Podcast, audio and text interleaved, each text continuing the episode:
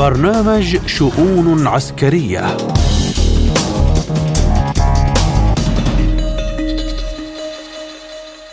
من إذاعة سبوتنيك بموسكو أرحب بكم مستمعينا الكرام أينما كنتم في حلقة جديدة من شؤون عسكرية أقدمها لكم اليوم أنا محمد جمعة وأبدأها بأهم العناوين.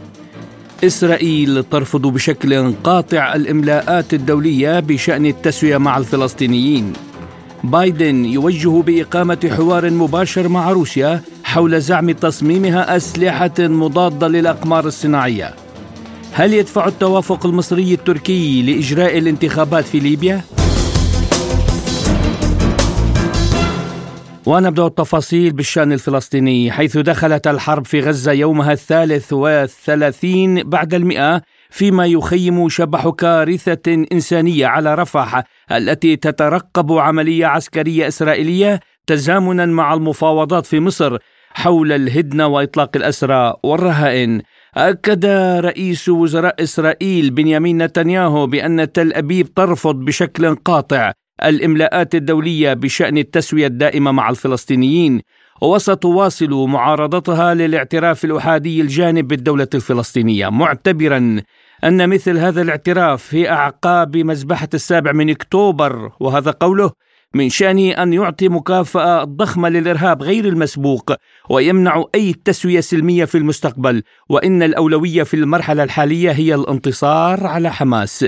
يأتي ذلك بالتزامن مع إعداد الولايات المتحدة مع العديد من الشركاء العرب خطة مفصلة للتوصل لاتفاق سلام شامل بين إسرائيل وفلسطين. ستضمن جدولا زمنيا ثابتا لإقامة دولة فلسطين. للحديث أكثر عن هذا الموضوع ينضم إلينا المختص بالشأن الإسرائيلي والعلاقات الدولية الدكتور أحمد شديد. أهلا بك دكتور أحمد في شؤون عسكرية. وأبدأ معك مما قاله نتنياهو بأن إسرائيل ترفض الضغوط الدولية لتحقيق السلام مع الفلسطينيين.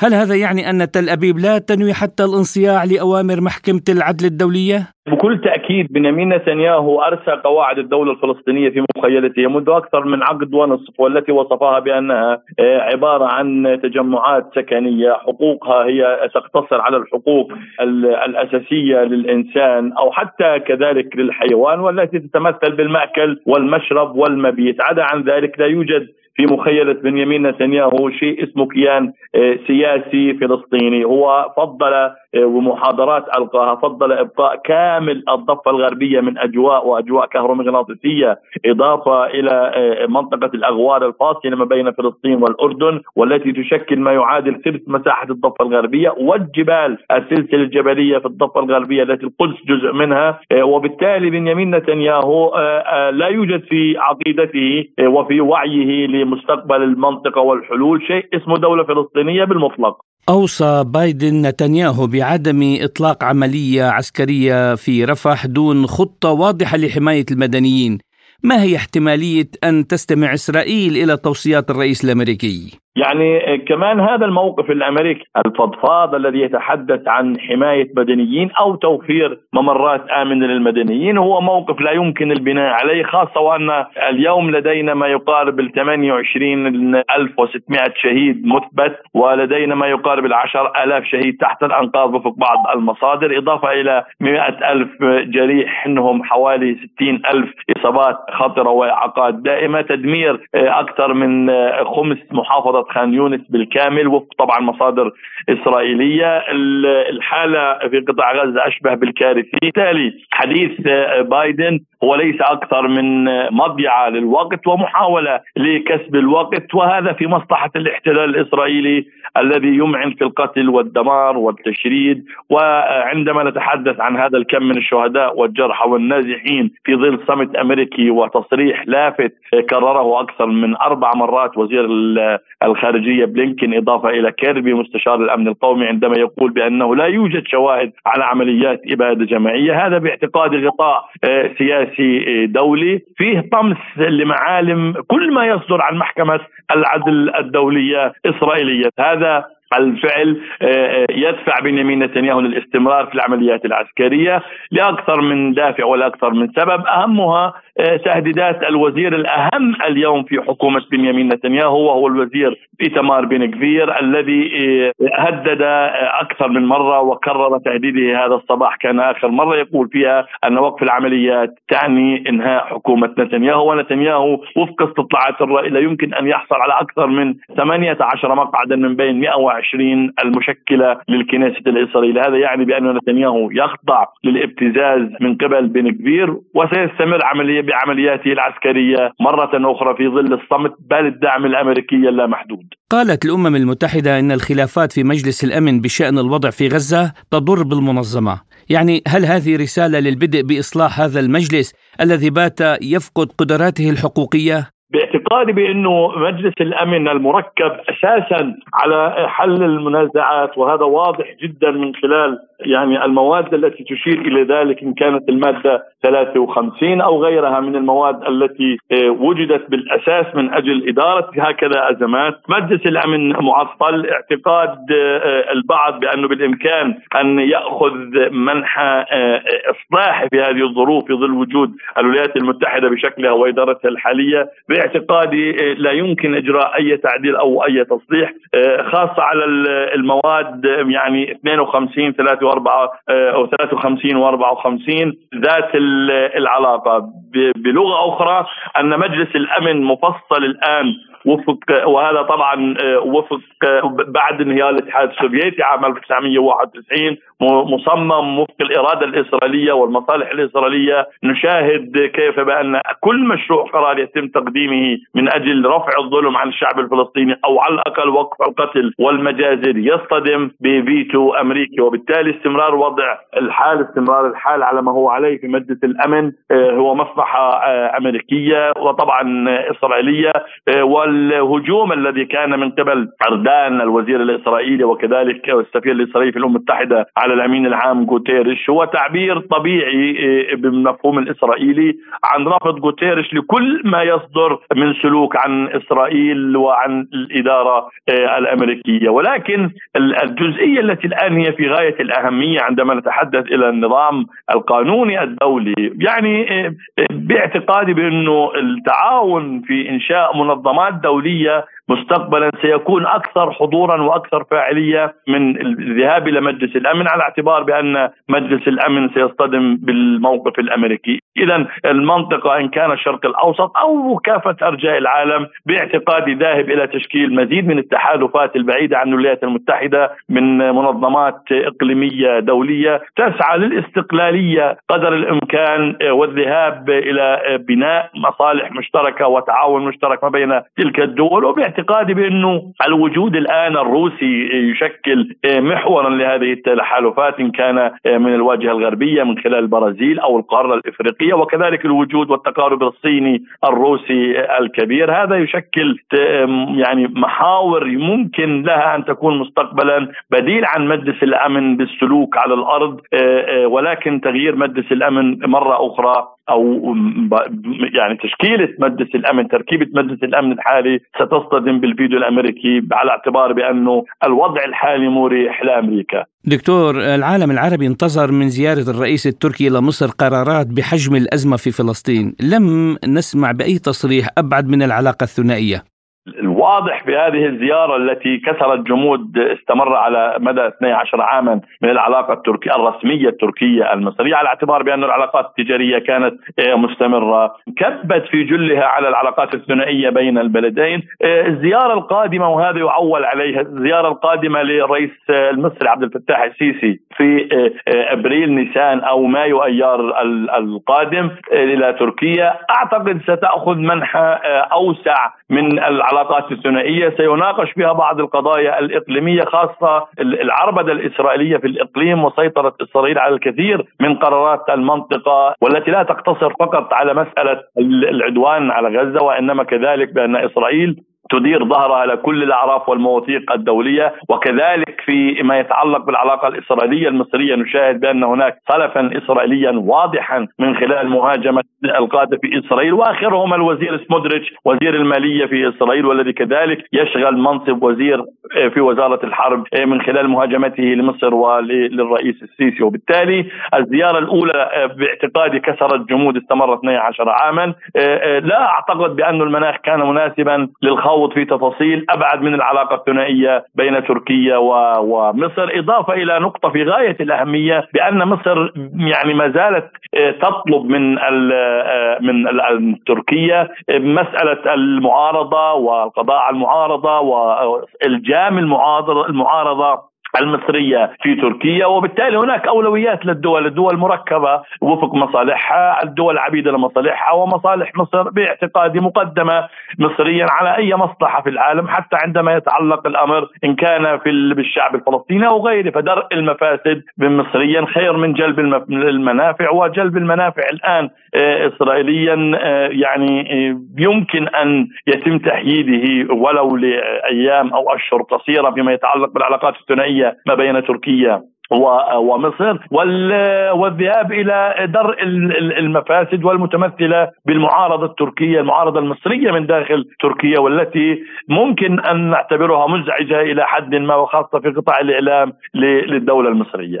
المختص بالشأن الإسرائيلي والعلاقات الدولية الدكتور أحمد شديد كنت معنا ضيفا عزيزا في شؤون عسكرية شكرا لكم.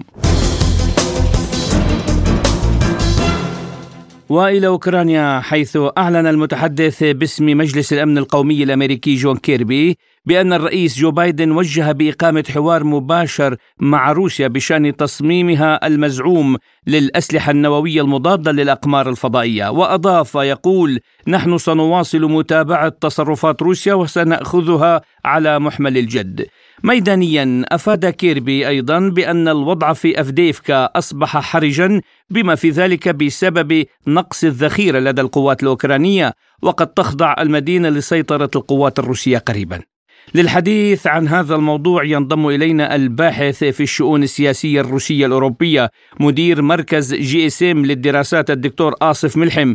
أهلا بك دكتور آصف في شؤون عسكرية.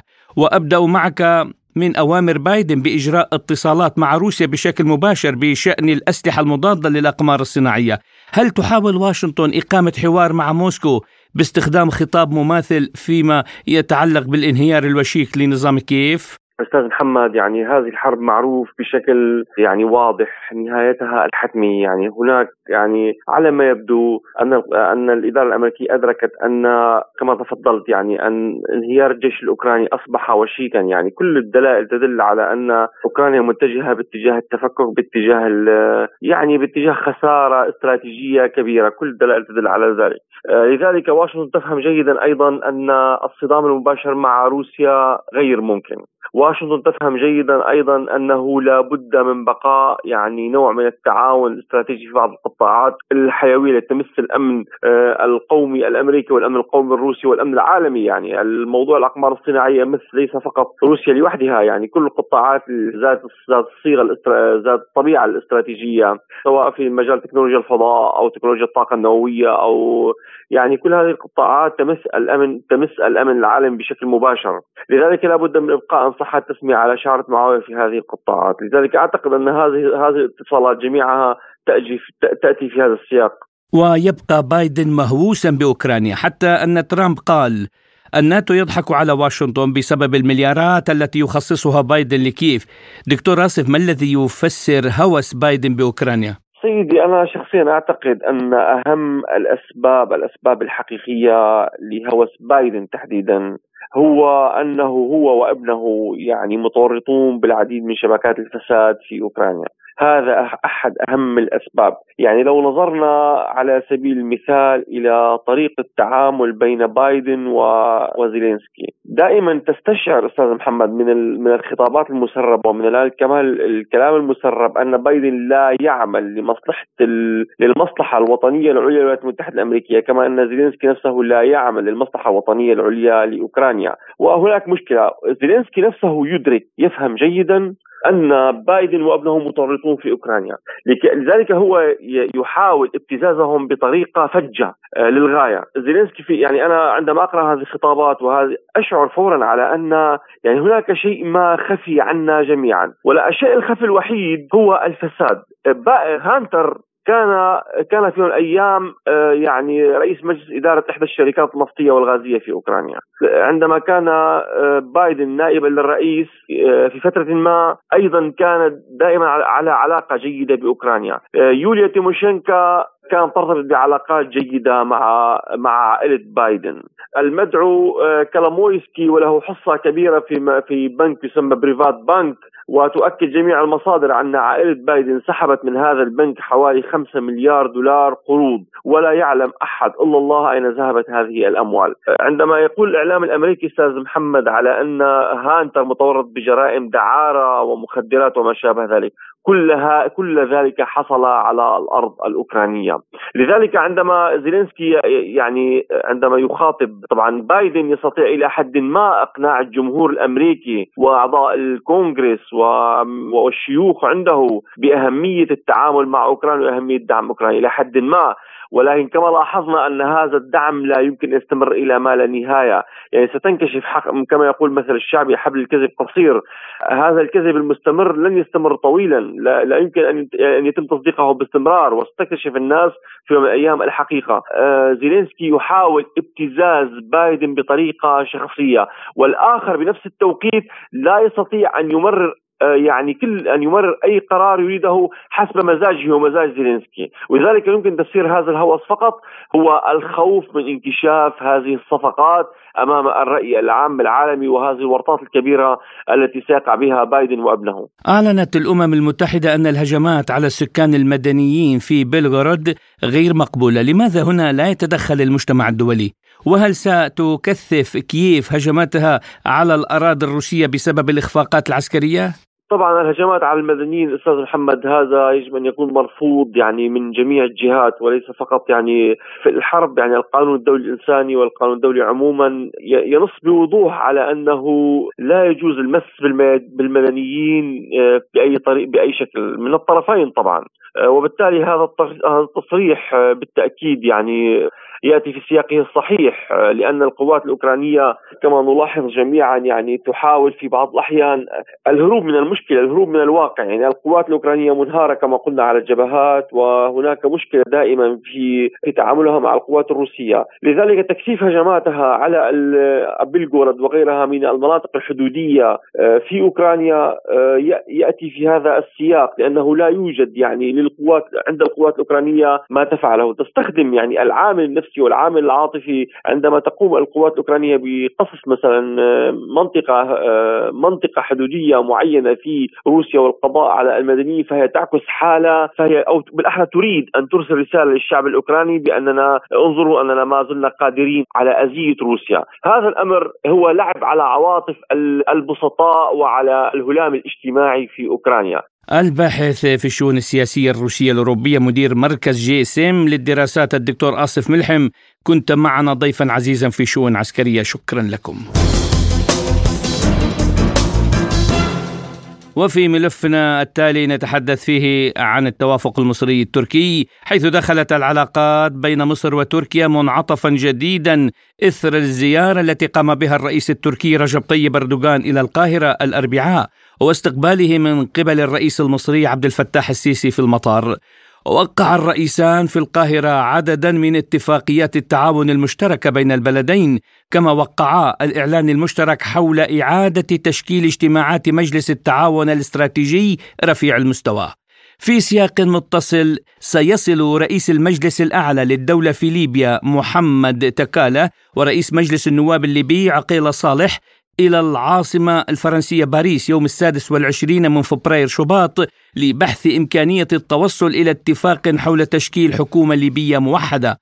للحديث أكثر عن زيارة الرئيس رجب طيب أردوغان إلى القاهرة وانعكاسات هذه الزيارة على الحرب في غزة وعلى تفاقم الأزمة في ليبيا.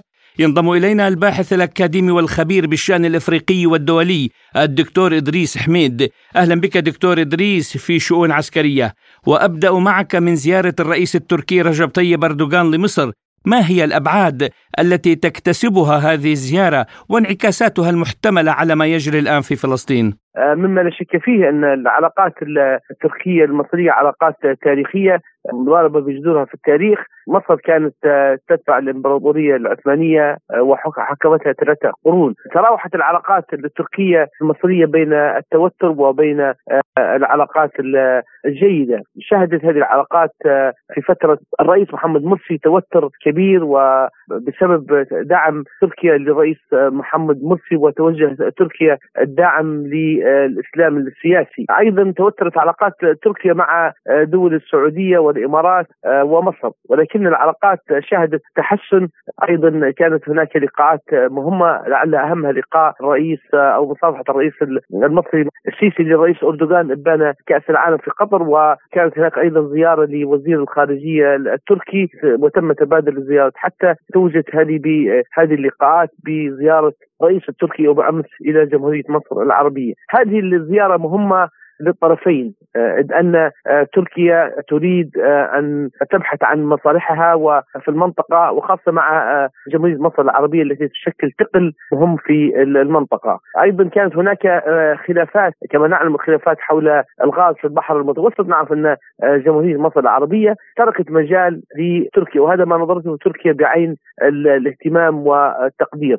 فيما يتعلق بمباحثات التي جرت يوم أمس بكل تأكيد أنها تناولت ملف ما يحدث من عدوان إسرائيلي على غزة موقف تركيا رافض لهذا العدوان وكذلك موقف المصري. فينظرون بعين القلق من خلال التصريحات إلى إلى ما يحدث الآن وإلى اشتداد العدوان الإسرائيلي على على غزة، مصر تنظر إلى الأمر من خلال ما تريد إسرائيل هو تهجير الفلسطينيين إلى إلى إلى إلى إلى مصر وهذا أمر مرفوض، لذلك كان هناك توافق مهم على ضرورة وقف العدوان وأيضا وقف العدوان وانسحاب القوات الإسرائيلية وأيضا حق الفلسطينيين في إقامة دولة من خلال السلام العادل الذي يضمن حق إقامة دولة فلسطينية. نعم. دكتور إدريس برأيك كيف سيعزز التنسيق المصري التركي جهود دعم غزة؟ وماذا ستقدمان مصر وتركيا لوقف الحرب في غزة؟ تركيا ترتبط بعلاقات مع إسرائيل وأيضا مصر واتفاق واتفاق.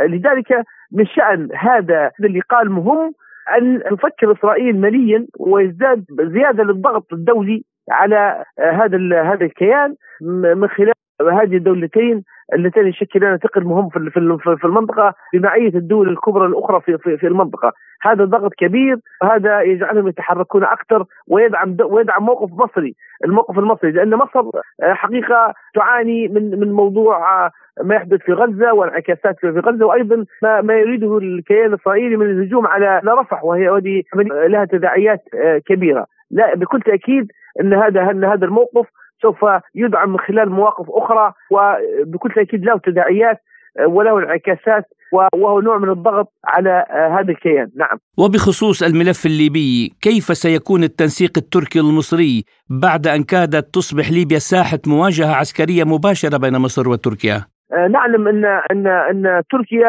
متواجدة في ليبيا لها قوات وأيضا ترتبط باتفاق مع مع حكومة الوفاق وبعدها مع حكومة الوحدة الوطنية، مصر تنظر بعين القلق لهذا التواجد التركي. آه، مصر لعبت دور مهم في وقف إطلاق آه، النار. آه، عندما حدد الرئيس السيسي خط لا يمكن تجاوزه وساهمت مصر في وقف إطلاق النار وكان موقف مهم. هذا الموقف يعني يعني أخذته تركيا بعين بعين الاعتبار وكان لتحسن العلاقات حديث من خلال لقاءات المسؤولين المصريين والأتراك حول الملف الليبي. أن البلدين يرتبطان بمصالح مهمة. في في في ليبيا كان بالإمكان الذين يرى أن بالإمكان أن يتعاونا من أجل البحث عن مصالحهم في في, في ليبيا. تركيا آه، لها نفوذ مصر أيضا لها نفوذ في في ليبيا. فكان في المحادثات نقاش مهم حول الأزمة الليبية وضرورة الوصول بليبيا إلى حل. نحن ننظر إلى إلى التعاون المصري والاتفاق المصري التركي في ليبيا إلى أنه دور مهم. وما يكون دور مهم يعكس أهمية ليبيا ودور أفضل من الدور دور الولايات المتحدة الأمريكية وبريطانيا لأن من مصلحة البلدين تركيا ومصر أن تستقر ليبيا ولكن السؤال هو كيف آه، كيف يكون الحل في ليبيا؟ هل هناك حفاظ على المصلحة الليبية هنا آه، وهي مسؤولية الأطراف الليبية أين ترى الأطراف الليبية ومن هي الأطراف الليبية أو كيف يرى الليبيين مصلحتهم مع المصلحة التركية والمصلحة المصرية. وبعد نجاح القاهرة وأنقرة في تحقيق الاستقرار الأمني والسياسي داخل ليبيا هل ستكون هناك انتخابات تشريعية ورئاسية وهل سنشهد توحيدا للمؤسسة العسكرية في ليبيا خلال الفترة المقبلة دكتور؟ ان التفاهم المصري التركي حول الملف الليبي آه، هو انعكاس إيجابي سوف يجبر الأطراف آه، على آه، ضرورة الجلوس على طاولة الحوار وأيضا الذهاب إلى إلى الانتخابات، أيضا مصر تنظر إلى موضوع مهم وهو موضوع إخراج المرتزقة والقوات الأجنبية، وهذا أمر مهم، ربما هذا الملف يحتاج إلى مزيد من المباحثات المصرية التركية، تركيا نظرت إلى مصالحها في في المنطقة وأود أن أتحدث عن نقطة مهمة وهو ان تركيا رأت في مصالحها آه، أهم آه، من الخلافات. فنعرف أن عودة علاقاتها مع آه، مصر له تأثير بان بأن مصر مصر تطلب بعلاقات مع السعودية والإمارات وتركيا فضلت مصالحها وهي خطوة مهمة في إطار البحث عن عن المصالح، اذا الملف الليبي يعني هو أحد الملفات المهمة التي يمكن يذهب إلى اتجاه إيجاد حل للأزمة الليبية، نعم. الباحث الأكاديمي والخبير بالشأن الإفريقي والدولي الدكتور إدريس حميد كنت معنا ضيفا عزيزا في شؤون عسكرية. وللحديث عن فعالية هذه الزيارة للرئيس التركي إلى مصر ينضم إلينا من أنقرة الكاتب والمحلل السياسي والمختص بالشأن التركي الأستاذ عمر يلدريم. أهلا بك أستاذ عمر في شؤون عسكرية. وأسألك لماذا لم يتم إعطاء زيارة أردوغان لمصر الحجم المتوقع من التغطيه الاعلاميه ولا سيما الأنظار في تركيا تتجه إلى نتائج هذه الزيارة؟ بسبب الأحداث الجارية الآن الحرب الفلسطينية الإسرائيلية تقوم بالتغطية بشكل كبير على أي أحداث أخرى على الرغم من أهميتها وكاهميه يعني التقارب المصري التركي الأخير وأهمية زيارة الرئيس التركي ويعني إلى مصر بعد قطيعه استمرت لعشر سنوات. أضف إلى ذلك أن الحالة الاقتصادية الموجودة في تركيا ومصر و حاله يعني السخط الشعبي قليلا على الحكومتين آه، أدت إلى حالة من الابتعاد عن مثل هذه المتابعات، لكن بشكل أساسي أعتقد أن الحرب الدائرة في القطاع بين آه، فلسطين وإسرائيل هي الأساس. في خطف آه، الأضواء آه، عن أي أحداث آه، تجري في في المنطقة. أستاذ عمر تركيا الآن ترى أن تحقيق توازن في علاقاتها مع شرق وغرب ليبيا هو الذي سيحافظ على مصالحها الاقتصادية والجيوسياسية وليس النهج التحيزي الذي سلكته خلال السنوات الماضية. ما السبب الذي دفع إلى هذا التغيير في السياسة الخارجية التركية؟ هناك تغير كبير آه، في على صعيد السياسة الخارجية آه، في تركيا لا سيما بعد الانتخابات الرئاسية الأخيرة. آه، تركيا كما تفضلتم يعني فهمت مؤخرا أنه يعني أن المصالح المشتركة هي طريق الحل الأمثل للوصول إلى الحلول والمصالح المستدامة والمصالح المشتركة تحديدا فيما يتعلق في آه، الدول التي تربطها مصالح مشتركة كحال الملف الليبي وكحال ترسيم الحدود والبحر المتوسط وملف الغاز وغيره من الملفات العالقة التي كانت تركيا إلى حد كبير تنفرد بمثل هذه القرارات، اليوم اتجهت تركيا آه، إلى التشارك مع أصحاب القرار كون آه، أيضا آه، هناك تشارك في الحدود الليبية المصرية التركية في البحر المتوسط. وهذا ما نتج عنه في الزيارة الأخيرة إلى مصر وسينعكس وسينعكس ايجابا بكل تأكيد على تركيا لأنه هذا تنسيق مع أصحاب القرار في مصر الذي يعني لمصر أيضا دور كبير أيضا في إدارة الملف الليبي منذ أزمته قبل عشر سنوات. سيذهب رئيس المجلس الأعلى للدولة في ليبيا محمد تكالا ورئيس مجلس النواب الليبي عقيل صالح إلى باريس يوم السادس والعشرين من فبراير شباط لبحث إمكانية التوصل إلى اتفاق على تشكيل حكومة ليبية موحدة أستاذ هل لعبت هذه الزيارة برأيك دورا في هذه التطورات؟ تلعب دور آه، كبير جدا في التقارب بين وجهات النظر، هنالك وجهات نظر مختلفة فيما بين مصر تدعم آه، هنالك حكومة انتقالية آه، وأيضا تركيا تدعم هنالك حكومة انتقالية. تتهمها بعض الأوساط أيضا بتدخلها الغير قانوني في ليبيا. فلذلك تقارب وجهة النظر هذه أدى إلى أيضا انفراجات أو متوقع أن سيكون هنالك انفراجات دولية يعني أو سياسية عفوا في الساحة الليبية تحديدا على الصعيد الدولي سيكون لها أبعاد دولية في أوروبا وتلقي للدول الحكومة الوطنية. الكاتب والمحلل السياسي والمختص بالشأن التركي الأستاذ عمر يلدريم كنت معنا ضيفا عزيزا في شؤون عسكرية شكرا لكم. مستمعينا الأفاضل إلى هنا تنتهي حلقة اليوم من شؤون عسكرية كنت معكم أنا محمد جمعة.